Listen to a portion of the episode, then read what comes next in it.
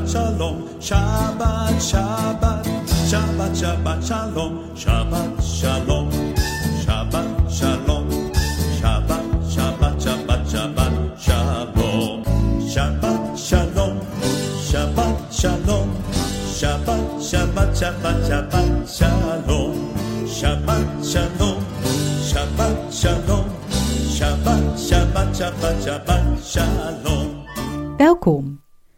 is het leerhuis van Radio Israël. Met elke week de bespreking van een gedeelte uit de eerste vijf boeken van de Bijbel, de Torah, de Haftarah en het Nieuwe Testament.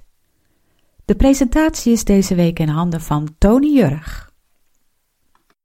Deze Shabbat wil ik met u stilstaan bij Parasha Jethro. Daarvoor wil ik u meenemen naar de volgende schriftgedeelte. Ons Torah-gedeelte komt deze Shabbat uit Shemot, of Exodus 18, vers 1 tot en met uit hoofdstuk 20, vers 26. En voor de Hafsara, de profetenlezing, lezen we een aantal delen uit Yeshayahu, of Jesaja, vanaf hoofdstuk 6, vers 1 tot en met hoofdstuk 7, vers 9. En daarbij ook nog eens twee versen uit hoofdstuk 9, namelijk de versen 5 en 6. Voor het gedeelte uit het vernieuwde verbond, de Berit Gadasha, wil ik stilstaan bij een gedeelte uit Jochanan, of Johannes, hoofdstuk 16, de versen 5 tot en met 15.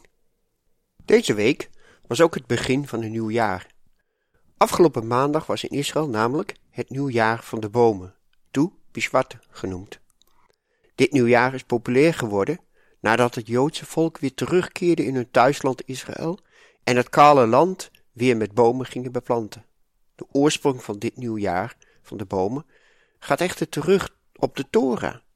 Moshe, Mozes, gaf namelijk in Leviticus 19 vers 23 tot 25 de volgende instructie.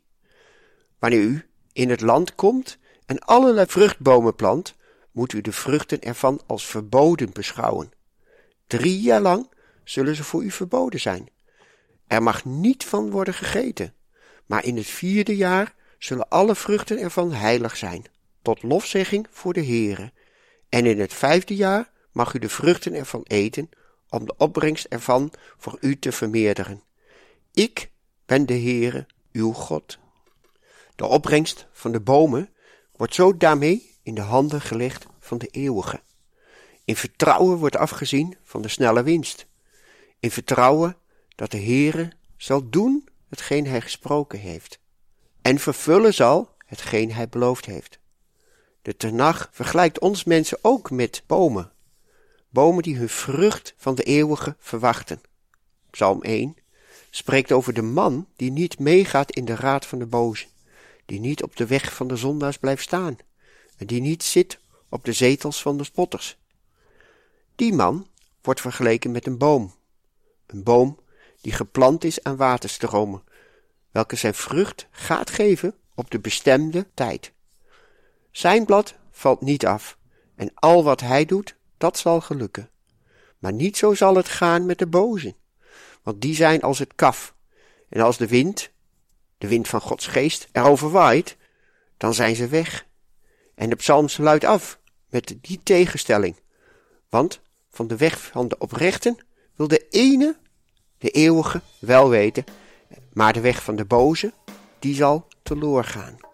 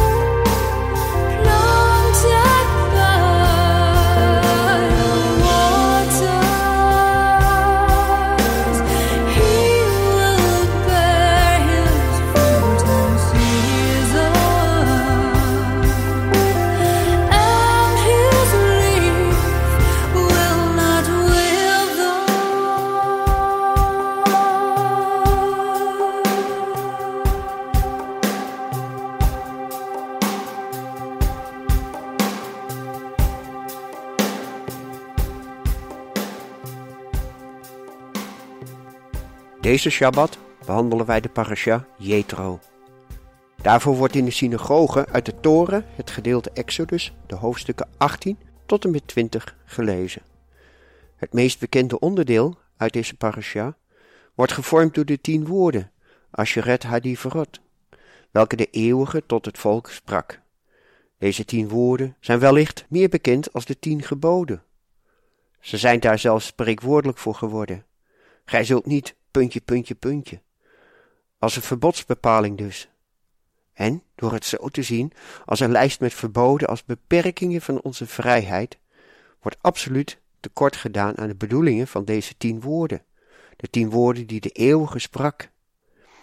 Wanneer de eeuwige in Exodus 20, vers 2 begint met spreken tot zijn volk, zegt hij namelijk: Anugi Adonai, Eloheicha, Asher, Hotseitik Ga, Mejaerts, Mitzrayim, Mibeit, Avadim.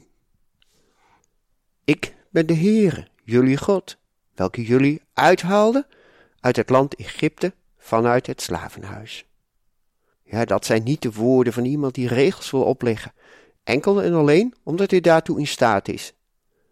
Het zijn de woorden van een liefdevolle vader die zijn kinderen bevrijd heeft uit een hele moeilijke situatie en hen de weg wil wijzen om succesvol te zijn om kaders aan te geven waarbinnen het leven succesvol en gelukkig geleefd kan worden.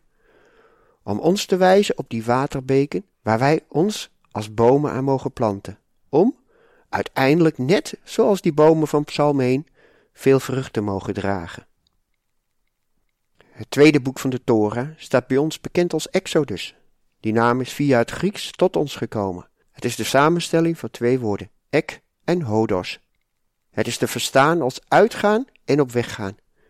Het vormt als het ware voor het volk dat uittrok uit Egypte een herbeleving van het leg legga, ga voor jezelf, waarmee de eeuwige Abraham opdracht gaf om ook op weg te gaan. De eeuwige riep in de Exodus zijn volk om uit te gaan, uit Egypte om op weg te gaan met hem, hem tegemoet. Niet om doelloos te dwalen door de wildernis, maar zoals Exodus 6, vers 5 tot en met 7 zegt: Ik ben de Heere. Ik zal u uitleiden van onder de dwangarbeid van de Egyptenaren. Ik zal u redden uit hun slavernij en u verlossen door een uitgestrekte arm en door zware strafgerichten. Ik zal u tot mijn volk aannemen en ik zal u tot een God zijn. Dan zult u weten dat ik de Heere uw God ben, die u uitleidt van onder de dwangarbeid van de Egyptenaren. Ik zal u brengen in het land waarvoor ik mijn hand opgeheven heb, dat ik het aan Abraham, Isaac en Jacob geven zou. Ik zal het u in erfelijk bezit geven, ik, de Heere. De afgelopen weken is in het leerhuis stilgestaan hoe de eeuwige de goden van Egypte te kijk zette, te laten zien waar die afgoden voor stonden, en dat hun macht niet kon tippen aan die van de eeuwige. En daarom kon uiteindelijk het volk van Israël, samen met de menigte van allerlei slag, op weg gaan door de Rietzee naar de woestijn. En uiteindelijk komt deze menigte aan bij de voet van de berg des Heren. En dan, na een periode van zeven volledige Shabbatten, horen zij de woorden van de eeuwige. Die reis en periode van wachten was belangrijk. Niet omdat het wel zeven weken zou duren voordat je uit Egypte aan zou komen bij de berg des Heren. Nee, maar vooral omdat hen daardoor een belangrijk geestelijk principe op een praktische wijze zou worden onderwezen. Zeven Shabbatten werden zij voorbereid op het moment dat zij onderricht zouden ontvangen, wanneer zij de toren zouden ontvangen. Zes dagen was er de opdracht om manna te verzamelen, om werk te verrichten. Maar daarna, net zoals in Genesis 2 vers 3, volgt er ook een dag die apart gezet wordt, die geheiligd wordt, waarop gerust mag worden. Op de Shabbat dienden zij zich niet meer in te spannen. Op die dag leerden zij vertrouwen dat de eeuwige zou voorzien. Dat de opbrengst van dag zes toereikend zal blijken te zijn voor dag zeven. En dat zelfs zevenmaal, als een soort volheid van volheden. Een training in afhankelijkheid, een praktisch ervaren van wat het is om te leven uit genade, om te vertrouwen op het onfeilbare karakter van de eeuwige. En dan, pas na die overdosis van genade, spreekt de eeuwige zijn instructie en sloot een verbond. En hoe is het dan mogelijk dat later deze woorden, die bedoeld waren tot leven, zijn gedegradeerd alsof het gewoon maar de wet van Mozes betrof? Vele jaren later blikt Mozes terug op het moment dat deze menigte aan de voet van de berg luisterde naar de woorden die de Heere sprak. Dat lezen we in Deuteronomie 4. In vers 10 gebruikt de Griekstalige Septuagint daar het woord ecclesia, om de menigte aan de voet van de berg te beschrijven. Dat ecclesia betekent letterlijk uitgeroepenen. Een woord dat in de vertaling van het Nieuwe Testament meestal wordt weergegeven als kerk. En als Stefanus in Handelingen 7, vers 38 de heilsgeschiedenis beschrijft, gebruikt hij ditzelfde Griekse woord ecclesia om te verwijzen naar de gebeurtenissen beschreven in deze parasha. Het is jammer dat in de meeste vertalingen deze doorlopende lijnen niet meer zichtbaar zijn.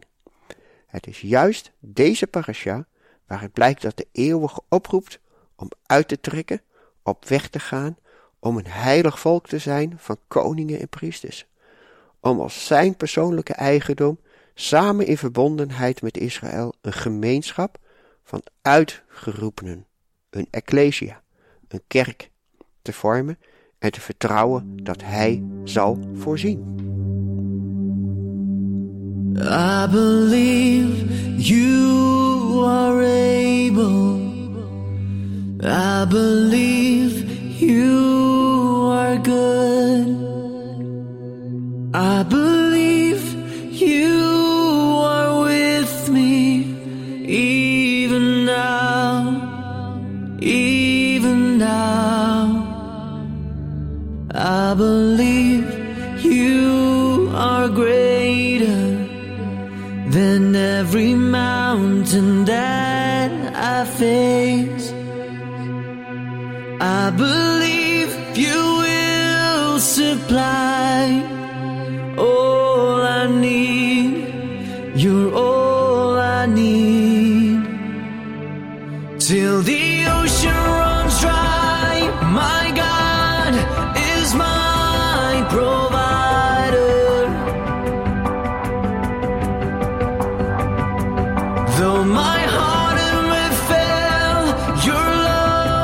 We'll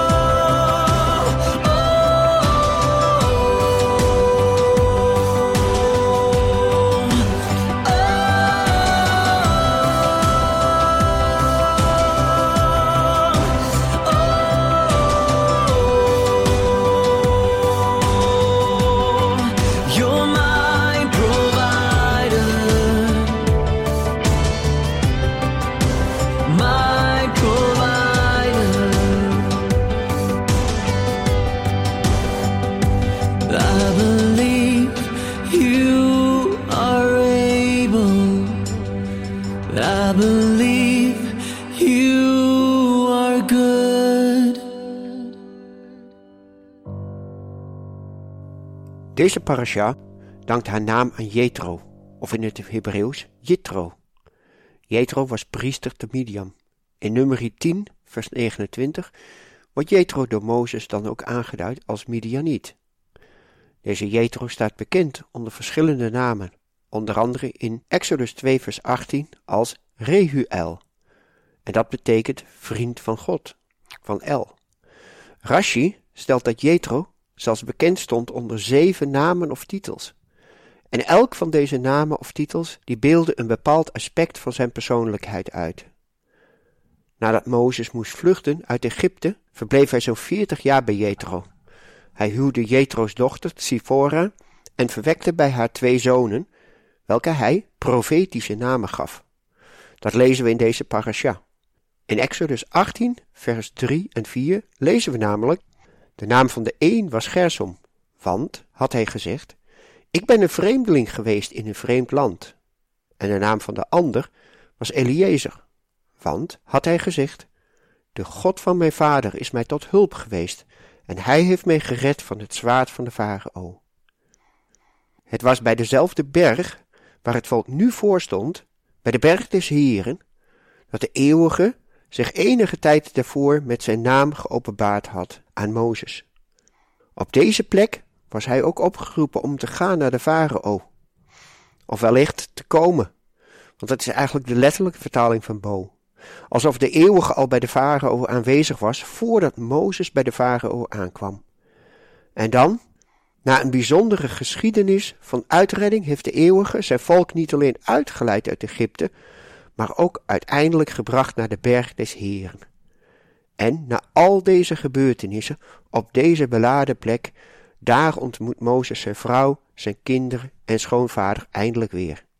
Er was stof genoeg om bij te praten. Vers 8 in hoofdstuk 18 geeft aan dat Mozes zijn schoonvader alles vertelde wat de Heere ter wille van Israël met de farao en de Egyptenaren gedaan had. Al de moeite die hun onderweg getroffen had en hoe de Heere hen gered had. Familiebanden speelden een grote rol in de Bijbelse geschiedenis. Jethro was als Midianiet afstammeling van Abraham, omdat hij nageslacht was van Midian, een van de zonen van Ketura. Ketura was een van Abrahams latere bijvrouwen, welke hij huwde na de dood van Sarah. Jethro stond daarmee dus buiten het verbond. Immers het verbond werd doorgegeven via Isaac, de zoon van Sarah. In de voorgaande parasha kwamen nog een familiebezoek tegen. Alleen dat familiebezoek verliep geheel anders. Dat ging gepaard met geweld en strijd. Amalek was namelijk als nazout van Esau ook afstammeling van Abraham, maar net als Jethro stond ook hij buiten het verbond. En de tragiek van Genesis 21 is dat Abraham, ondanks zijn smeken, Ismaël uiteindelijk zonder de zegen weg moest sturen. En in Bereshit, Genesis 25, versen 1, 2, 5 en 6 is te lezen dat ook de andere zonen van Abraham, waaronder Midian, bij Isaac vandaan worden gestuurd. Niet zonder hen te voorzien van allerlei geschenken, maar desondanks een pijnlijk moment. En ook de scheiding tussen Jacob en Esau heeft zo haar wonden opgeleverd. En dan, vele jaren en generaties later, na dit familiedrama, ontmoeten een aantal verre familieleden elkaar. Maar wat is er een groot verschil in de houding? Waar Jethro in Exodus 18 kwam met vrede, kwam Amalek in Exodus 17 juist met dood en verderf. Exodus grijpt hiermee als het ware terug op hetgeen de eeuwige in Genesis 12 aan Abraham beloofde toen hij hem riep uit te gaan. De Heere nu zei tegen Abraham, Ga nu uit uw land, uit uw familiekring en uit het huis van uw vader, naar het land dat ik u wijzen zal. De Heere nu zei tegen Abraham, Ik zal u tot een groot volk maken, u zegenen en uw naam groot maken, en u zult tot een zegen zijn. Ik zal zegenen wie u zegent, en wie u vervloekt, of wellicht misschien beter zelfs, wie u minacht, die zal ik vervloeken. En in u zullen alle geslachten van de aardbodem gezegend worden. De specifieke beloften van Genesis 12 waren via Isaac overgegaan naar Jacob en daarmee Israël. En zowel Amalek als Jethro stonden daar beiden buiten. Maar dat betekende niet dat God geen zegen voor hen beschikbaar zou hebben. Een belangrijke factor bij het ontvangen van die zegen, dat bleek hun houding ten opzichte van Israël. Amalek viel de zwakken in de rug aan, gaf daarmee blijk van minachting van het volk. En God antwoordde daarop met een eeuwige vijandschap. De eeuwige zal zelf de naam van Amalek uitwissen. Dat herdenken we over enige weken ook tijdens Purim. Jetro's houding was echter totaal omgekeerd. Hij kwam zegenend en er werd gezegend. Zoals we eerder zagen was Jetro priester. Maar van wat? Hij was, geloof ik, geen afgodenpriester. Hij wist van de el van Abraham. Immers, Abraham was zijn voorvader.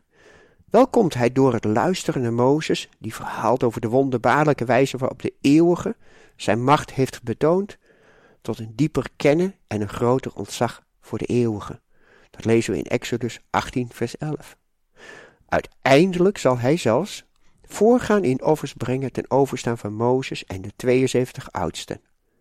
Het betreft dan twee offers: een hefoffer, dat spreekt van toewijding en volledige overgave, en slachtoffers. Hier zien we dat iemand van buiten het verbond delen mag in de zegen van het verbond, doordat hij zich verbindt met het volk van het verbond.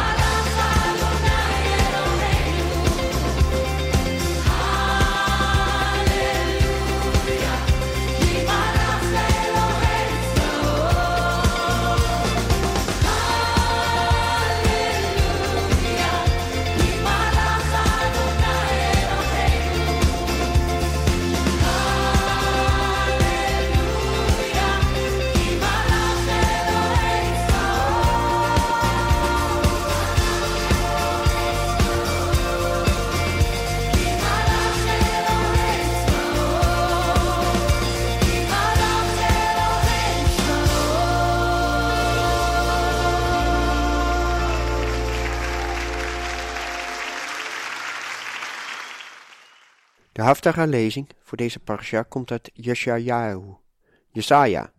Welke gedeelten daarvan in de synagoge precies worden gelezen, hangt af van de traditie welke wordt gevolgd. Maar het omvat vaak de volgende gedeelten. Hoofdstuk 6, de verzen 1 tot en met 13, hoofdstuk 7, de verzen 1 tot en met 6 en hoofdstuk 9, de verzen 5 en 6. In deze gedeelten vallen twee parallellen met het gelezen Torengedeelte op. Er zijn er overigens meer. Als eerste het gedeelte in hoofdstuk 6, waar we lezen over de roeping van Jezaja, is daar sprake van een imposante verschijning van de eeuwige. De hele tempel schudt en beeft, en er is rook, en net als het volk onder aan de berg, denkt Jesaja dat hij zal vergaan. Als tweede parallel is er in hoofdstuk 9 sprake van een wijze raadsman. In het Torah-gedeelte lazen we over de adviezen die Jethro aan Mozes gaf.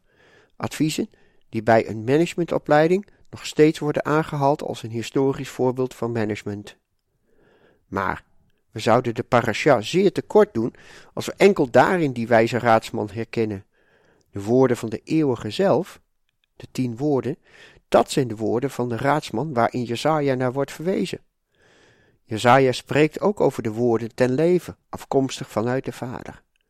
Dat lezen we ook in Jochanan, Johannes 16, vers 12 tot en met 15, waar Yeshua zegt: Nog veel heb ik tegen u te zeggen, maar u kunt het nu niet dragen.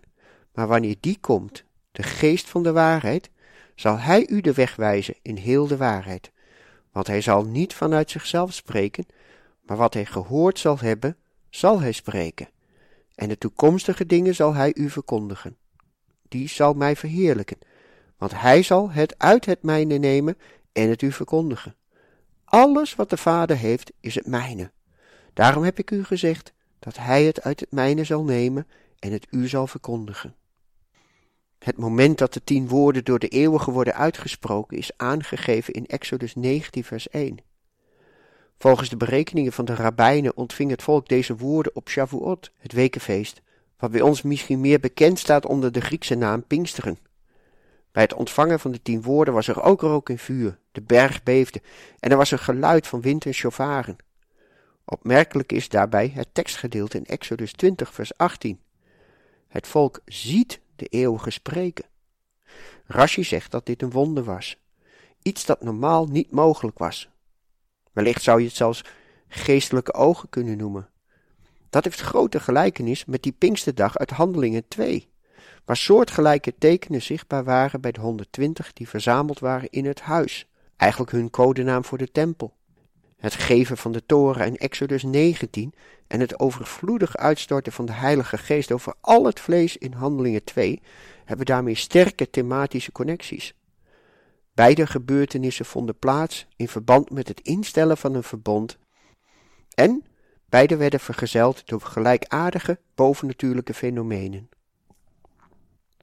Waar de tien woorden in de Sinaï als richtsnoer bij het volk kwamen, geschreven op stenen tafelen, kwam het in handelingen op diezelfde dag in de kalender, in de mensen, geschreven in de tafels van hun hart.